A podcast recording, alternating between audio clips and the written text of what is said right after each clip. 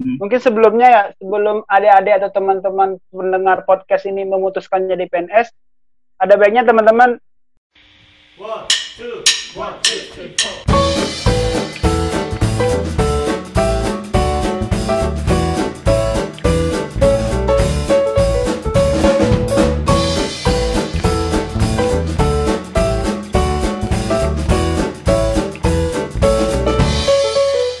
Ya, assalamualaikum warahmatullahi wabarakatuh. Apa kabar? Waalaikumsalam warahmatullahi podcast? Eh, jangan dulu dibalas, jangan dulu. Oh iya, Waalaikumsalam. Ya, assalamualaikum warahmatullahi wabarakatuh. Apa kabar, sahabat podcast di mana pun kalian berada? Semoga kebaikan senantiasa menyertai kalian. Jumpa lagi bersama gue Miftah dalam melanjutkan podcast ini. Kali ini kita akan melanjutkan program cerita dari Kim 52 dan dalam lanjutan pencarian makna di setiap cerita. Nah, kali ini kita akan menggali cerita dari sesosok pria berdarah Minang yang ketika kita membayangkan sosoknya itu pasti kita terbayang em, apa ya nama tempat atau salah satu tempat di kampus. Tempatnya Masjid Al Ghifari. Siapa lagi kalau bukan Bang Fauzul Hamdika? Apa kabar, Jul? Alhamdulillah. Gimana kabarnya nih Bro Miftah? Alhamdulillah, baik-baik. gimana, gimana? Sekarang posisi lagi di mana nih? Sekarang posisi lagi di Batu Sangkar di Wis. kampung di rumah. Batu Sangkar tuh Sumatera Barat ya? Iya, Sumatera Barat. Batu Provinsi- Sangkar tuh kabupaten. kota, kabu- kabupaten. Dia itu sebenarnya masuk kabupaten, Hmm. tapi di sana tuh ibu kota kabupatennya itu kota Batu Sangkar. Oh gitu. Buat orang-orang Sumatera Barat tahu lah, paham lah. Oke, berarti kabar alhamdulillah baik ya di keluarga sehat. Baik. Alhamdulillah sehat semua. Masih PSBB di Sumbar. Sekarang berarti lagi di rumah atau di mana? Di kosan atau gimana? Kalau sekarang lagi di rumah, kebetulan lagi di rumah. Oke, boleh dong share eh, aktivitas sekarang nih. Rutinitasnya sekarang lagi apa? Apakah kuliah ataukah atau menikah atau gimana ini? Eh, alhamdulillah kalau aktivitas sekarang habis lulus, alhamdulillah diterima kerja di salah satu instansi pemerintah, Balai Oh, Penelitian. Tanaman Buah di bawah Kementerian Hmm. Pertanian. Nah, kesibukan sekarang masih bekerja, belum melanjutkan kuliah lagi karena peraturannya setelah dua tahun bekerja baru boleh kuliah. Nah, Oh gitu. sekarang kesehariannya sih kerjaannya ya berbau lab Mhm. analisa analisa kimia tanah dan buah-buahan kayak vitamin C, total asam segala macamnya kimia tanah. Mhm. Dulu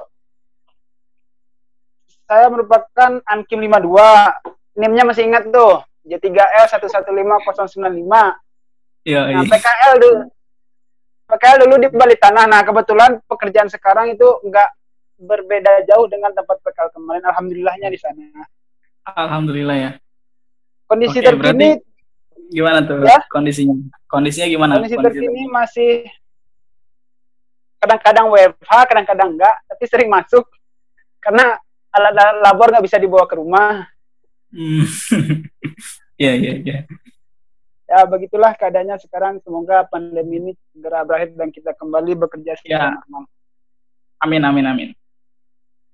Oke. Menarik nih, berarti uh, kesibukan hari ini sebenarnya pengen kuliah juga ya, tapi uh, kebetulan ya di tempat kerja nih, di instansi pemerintah ini, di balai ya, di balai itu mengharuskan dua Ya. tahun kerja dulu baru boleh kuliah. Iya. Oke, berarti ini Bro ini. Fauzul ini jadi ini ya, PNS ya, ASN ya. PNS sama ASN. ASN apa bedanya? ASN ya. Aparatur ASN, sipil ya. ASN sama PNS itu sebenarnya beda tapi Gimana? tak sama gitu. Nah, gimana? Boleh nih jelasin nih. Kalau kalau PNS itu adalah bagian dari ASN.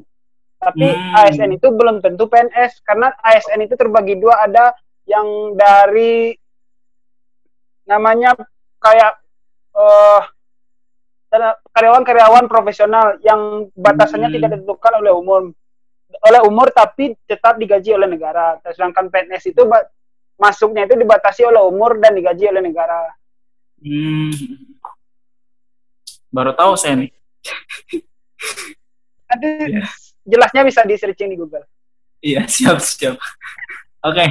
Em, dulu tuh berarti setelah lulus kan tahun 2018 gitu ya. 2018 lulus, setelah itu diterima PNS tahun itu juga atau dua tahun berapa nih?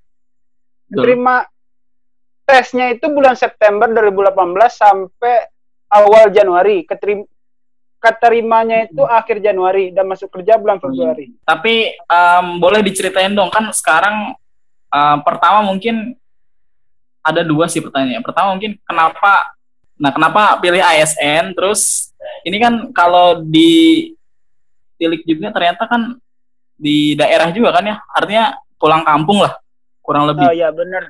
Nah itu kenapa tuh Jul alasannya Jul? Kenapa pilih PNS dan kenapa pilih penampatannya di daerah gitu? Kenapa pulang kampung biasanya kan anak-anak rantau gitu kan? Biasanya lebih senang di Jabodetabek atau di daerah lain lah, lebih merantau gitu kan. Apalagi Minang yang punya mungkin punya budaya yang laki-lakinya tuh harus merantau. Kayak gitu mungkin bisa diberi gambaran nih ke kita kenapa alasannya gitu. Sebenarnya alasannya cukup asik sih sebenarnya ya. Iya, gimana gimana? Waktu itu kan lulus bulan Agustus. Nah, Ya. pas awal-awal tingkat tiga tuh pas penentuan karir men- mau ke mana gitu, yang penting Ah. yang penting itu kerjanya nanti bisa pulang kampung. Nah, alasannya kebetulan nih gua sendiri itu cucu pertama dan anak pertama. Nah, ke depannya dalam adat Minang itu seorang cucu pertama atau anak pertama itu akan mengurusi keluarganya ke depan jadi generasi penerus mau nggak mau gitu. Iya. Jadi untuk meminimalisir jarak karena antara jarak Sumbar dan Jawa Barat cukup jauh dan tiket waktu itu lagi mahal-mahalnya. Nah, nggak Hmm. mungkin kan nih kalau kerja akan terikat di luar Sumbar. Nah, oleh sebab itu Hmm. memutuskan mengambil pekerjaan atau mencari pekerjaan di lingkungan Sumbar. Namun karena analis kimia kebanyakan kerja di PT atau di perusahaan yang banyaknya di Jawa Barat, Bekasi, Cikarang atau Karawang, Hmm. Nah, di sana juga waktu itu daftar yang swasta. Mungkin Hmm. banyak daftar swasta sampai belasan 20 lebih lah yang diwawancara. Namun takdir Allah memberikan yang swasta itu nggak ada lulus satupun. Oh gitu. Semuanya mentok gitu. Ah, ah, ah. Bulan September itu bukalah PNS. Nah, iseng-iseng kan daftar PNS. Nah, kebetulan ada formasi yang dekat dari rumah, cuma berbeda kabupaten jam lah dari rumah. Alhamdulillah ikut tes beberapa kali tes dan luluslah di sana gitu. Nah, itulah jawaban doa-doa dari awal semester akhir gitu. Nah, itulah alasannya sebenarnya gitu. Alhamdulillah berarti sebenarnya alasan awalnya itu karena tadi ya, yang penting ada tuntutan untuk pulang kampung lah, kerjanya deket di daerah asal intinya itu ya. Mempertimbangkan Dan- keadaan ke depannya sih sebenarnya. Iya betul betul. Oke oke. Menarik sih menarik. Yang tadi sih apa ya terkait adat Minang tuh ya. Eh Fauzul ini nih sekarang nih eh, adalah posisinya anak pertama dan cucu pertama ya. Itu kalau adatnya itu kayak punya jadi apa penerus di keluarga besar gitu Jul ya. Yang punya istilahnya pemangku adat atau apa Jul istilahnya Jul. Syaratnya Mungkin itu bisa kayak dijelasin ke kita tuh lebih jelas. kalau di Minang itu kan ada namanya mama ya, mama tertua. Nah, at- ibaratnya kalau di suku-suku lainnya itu kayak pemimpin sukunya gitu. Jadi orang yang Hmm. paling dituakan dalam suatu satu garis keturunan ibu. Nah, nanti Hmm. ke depannya adik-adik sepupu atau adik kemenakan dan segala macamnya itu akan me- memerlukan kontribusi kita untuk mengambil keputusan atau mereka setiap ada keadaan atau ada acara kita di bukan diwajibkan sih tapi lebih diutamakan untuk hadir karena kita di sana sebagai peran pentingnya gitu. Jadi Hmm. kan karena mempertimbangkan hal tersebut nggak mungkin kan dalam karena cucu pertama anak pertama jadi ada adik sepupunya masih banyak ada 14 lagi ke bawah. Nah dalam jika dalam setahun aja udah banyak eh, acara atau pasti mereka juga nanti mengadakan acara tiap rumah atau gimana nya nggak mungkin bolak-balik dalam sebulan sekali belum lagi kalau udah Hmm. berkeluarga di Jawa Barat kan atau di Su- Jawa sana tiketnya itu berapa gitu jika satu Hmm. orang sejuta kali bertiga aja udah tiga juta bolak-balik 6 juta ya pertimbangannya sih ke sana awalnya gitu Menarik ya. Ini hal yang nggak gua tahu sebelumnya nih. Soalnya di Sunda nggak ada sih yang kayak gini kayak gini. Kayaknya Sundanya udah terdistraksi sekarang, udah udah mulai pudar sih kayak adat-adatnya gitu ya. Emang Biasanya berarti pertimbangan pribadi aja sih. ya, ya, tapi kan itu pertimbangan pribadi yang berdasar ya jelas gitu. Artinya mementingkan kepentingan keluarga besar juga kan. Menarik lagi. Kita beralih lagi nih ke soal PNS PNS lagi ya, ASN ya. ASN itu adalah eh, ASN itu ada dua. ada dua PNS dan non PNS ya. Iya. Oke. Yang karena Oke. Kan hari ini mungkin eh, beberapa teman-teman kita juga yang bisa jadi masih ada yang penasaran nih Zul nih. Yang pengen daftar untuk PNS begitu pun siapa tahu ada ada ada ada kita nih di Ankim yang dengar yang memang dari awal tuh minat PNS bisa dijelasin secara singkat mungkin Jul dari uh, pengalaman kemarin tuh alur alurnya itu untuk daftar PNS tuh seperti apa Alur daftar PNS ya. ya singkatnya aja sih nggak usah rinci-rinci Oke. Hmm. Mungkin sebelumnya ya, sebelum adik-adik atau teman-teman mendengar podcast ini memutuskan jadi PNS, ada baiknya teman-teman eh, niat dari awalnya dulu karena kalau teman-teman mau daftar PNS, teman-teman harus bersiap-siap menghadapi aturan-aturan yang lebih kurang agak sama ketatnya dengan di kampus lah. Karena kalau kita di Hmm. PNS itu kita harus mengikuti undang-undang yang sudah ditetapkan. Nggak mungkin kan Hmm. kita seperti di, kalau mungkin kalau di swasta kita bosan kita bisa keluar gitu. Kalau di PNS keluar kan bisa kena penalti dan sebagainya dan sebagainya. Dan ini keban mayoritas dan kebanyakan ini karir satu seumur hidup. Hmm. Nah, mungkin kan pindah-pindah gitu. Jarang orang yang bisa pindah-pindah dalam karir PNS ini. Nah, itu mungkin itu salah satu pertimbangan. Untuk alurnya sendiri, kalau kemarin itu cukup simpel sih sebenarnya karena semuanya sudah basis online. Kita tinggal daftar online, tinggal ngikutin eh, jadwal yang sudah ada, daftar online, kemudian setelah daftar online kita diminta untuk upload berkas-berkas yang diminta. Nah, dan di sini diperhatikan bahwa harus cocok dengan berkas-berkas yang diminta. Jika diminta ijazah D3, maka jangan coba-coba masukkan ijazah S1 atau S2, pasti akan ditolak. iya iya Begitupun sebaliknya, belum jangan S1, masukkan S2 ijazah juga ya? SMA. Kalau dimintanya surat kesehatan seminggu eh, seminggu sebelumnya. Masukkan sesuai dengan yang diminta. Setelah upload berkas, nah masuk ke ujian SKD. Nah ujian SKD ini ujian dasar. Nah di sini yang penyaringan terbesarnya karena yang diambil cuma tiga kali formasi yang dibutuhkan. Jika dibutuhkan satu, paling yang diambil cuma tiga. Mhm. Nah setelah lulus SKD, baru kita masuk ujian SKB, ujian yang sesuai dengan formasi yang kita ambil. Di sini akan diambil eh, nilai tertinggi. Nah, nilai tertinggi itu akumulasi 60% SKD, 40% SKB kalau nggak salah. Baru Mhm. setelah itu pemberkasan. Nah, beberapa formasi ada yang wawancara, ada yang enggak. Nah, kebetulan kemarin yang gua enggak ada wawancara. Nah, setelah Oke. pemberkasan selesai dan semua berkas kita cocok, nah, di sana baru kita dikumpulkan di instansi kita masing-masing. Seperti itu. Oke. Itu setelah dikumpulkan itu ke depannya kita istilahnya udah diangkat jadi PNS atau belum apa pas di instansi itu ada proses orientasi lagi tuh kayak persiapan eh, selama Nah, setahun kah, berapa bulan kah gitu. Nah, di sini kebanyakan orang salah paham gitu. Termasuk gua awalnya Hmm. salah paham juga. Nah, ketika Iya. kita sudah dikumpulkan dikumpulkan itu, maka kita belum jadi PNS. Kita masih Hmm. calon PNS. Nah, masa calon PNS ini dibutuhkan waktu setahun. Nah, di masa setahun ini kita dituntut untuk mengadakan sebuah aktualisasi. Maksudnya itu perubahan-perubahan apa yang kita bisa lakukan di instansi kita. Nah, nanti Hmm. kita dikumpulkan lagi di instansi pusat selama dua bulan kurang lebih tergantung instansinya.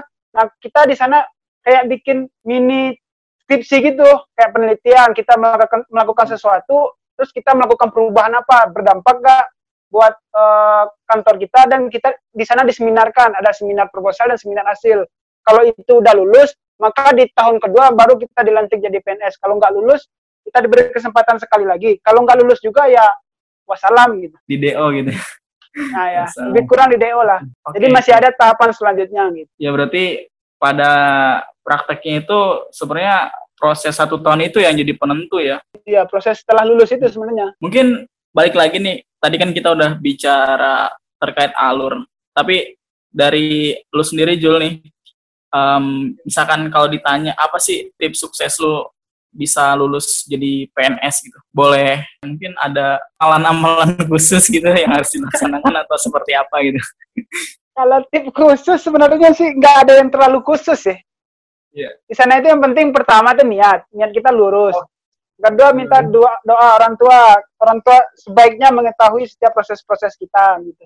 Nah, Hmm. selanjutnya itu kalau teknisnya kita sebenarnya kita nggak perlu menguasai semua yang dibutuhkan dalam ujian. Kita cukup lebih baik kita menguasai trik-trik dalam menjawab soal kayak soal SBM gitu. Karena di sana Hmm. kita kan berperang melawan waktu juga gitu. Dalam 100 Iya. soal kita cuma dikasih waktu 90 menit gitu. Nah, di sana Hmm. juga ada sistem minus atau dan segala macamnya tergantung peraturan dari instansinya gitu. Ya, di sisi lain ada hal apa ya? Spiritualnya ya. Kita jangan sampai melupakan doa dan yang paling penting juga usaha, Jul ya. Ya Usahanya usaha kita harus niat. Iya, iya niat dan harus cerdas juga berarti ya menjawab soalnya itu bener. Soalnya kalau gue pribadi punya pengalaman pahit di SBM itu kan gagal terus. Jadi Lebih kurang mirip-mirip SBM lah. ini kan. Iya iya iya. Oke oke. Tapi soal ini apa berpengaruh nggak sih cara kita memilih? Tadi kan sempat disinggung-singgung formasi-formasi itu artinya itu kan yang menentukan tingkat persaingan kita dengan teman-teman yang lainnya lah yang mendaftar. Nah itu apakah seberapa berpengaruh tuh formasi itu terhadap peluang keberhasilan kita gitu? Kalau pas waktu gua daftar itu kita Ah. bersaing cuma sama orang-orang yang mendaftar di formasi yang sama. Misal kita ngambil di Bali Tanah Bogor, kita cuma Hmm. bersaing dengan orang-orang yang mendaftar ke Bali Tanah Bogor. Kita nggak bersaing se nggak bersaing sama pasca panen, nggak bersaing sama Bali dan segala macamnya. Nah, di, di sini yang jadi titik penting dalam pemilihan itu bagaimana formasi tersebut kalau jumlahnya sedikit, jadi kita peluang untuk lolosnya semakin besar seperti itu. Jadi misalnya makanya banyak orang yang daftar ke daerah-daerah bagian timur. Di sana kan lebih sedikit pendaftar dibanding daerah-daerah bagian kota kayak Jakarta, Bogor dan Jawa Barat lah pada umumnya gitu. Paling keuntungannya di sana. Berarti intinya berpengaruh juga ya, tergantung ini ya. Lokasi daerah berpengaruh. Nah, Oke. kalau kita ngambil di daerah timur, resikonya selama 10 tahun menurut peraturannya selama 10 tahun kita nggak bisa mengajukan pindah. Oke, Nah, tadi kan udah disinggung juga ya. Eh, artinya berpengaruh banget ya soal penempatan tadi ya kita eh, apa sih namanya formasi itu ya. Kalau misalkan di daerah kok kemungkinan peminatnya pun bisa jadi lebih sedikit otomatis ya sama yang di daerah kota-kota besar gitu ya Zul ya. Kesimpulannya ya. Tapi kalau kita ngambil di daerah, resikonya kita dalam wak- kurun waktu 10 tahun nggak bisa mengajukan pindah tempat. Kita harus mengambil 10 tahun minimal. Tapi bisa kalau yang yang di kota itu bisa pindah ke daerah gitu. menurut eh, pengalaman sih dari kota ke daerah itu lebih gampang pindahnya daripada daerah ke kota gitu. Tapi semua tergantung formasi sih sebenarnya di daerah itu ada yang kosong apa enggak. Tapi kalau PNS-PNS baru ini dia udah tanda tangan di atas materai selama 10 tahun nggak bisa mengajukan pindah. Eh, terkait PNS ini kan tadi sempat disinggung juga tuh di awal sama lo Jul ya soal kita tuh harus memikirkan niat juga yang paling penting ya Eh, ke depan ini kan punya konsekuensi yang bisa dibilang jangka panjang lah ketika memutuskan untuk PNS kita terikat. Dalam istilahnya itu eh, bahasa bahasa kerennya mungkin ya kita di kita harus bisa berkomitmen untuk mengabdi ya mengabdi jangka panjang dalam hidup kita gitu ya. Sa- sampai disebutin nih profesi salah satu profesi yang ya sampai seumur hidup gitu. Bisa dinilai profesinya ya PNS gitu kalau udah milih PNS. Tapi eh, dari mungkin dari curhatan atau cerita-cerita di instansi yang sekarang, apakah ada cerita-cerita orang-orang yang pensiun muda gitu? Ini kan kita tadi udah bahas cara masuk PNS dan segala macam. Ini cara kita keluar dari PNS mungkin. Siapa tahu ada yang membutuhkan informasi ini gitu. Ada keluar dari PNS ya. Ada sih beberapa yang di instansi sekarang itu yang memutuskan resign ya, resign Yang Dari. PNS. pertama dia itu mengalami gangguan jiwa. Dia gangguan jiwa waktu harusnya dia pensiun 15-an tahun belasan tahun lagi tapi dipensiunkan. Jadi pensiun dini. Dan ada lagi satu orang dia itu eh, karena faktor keluarga.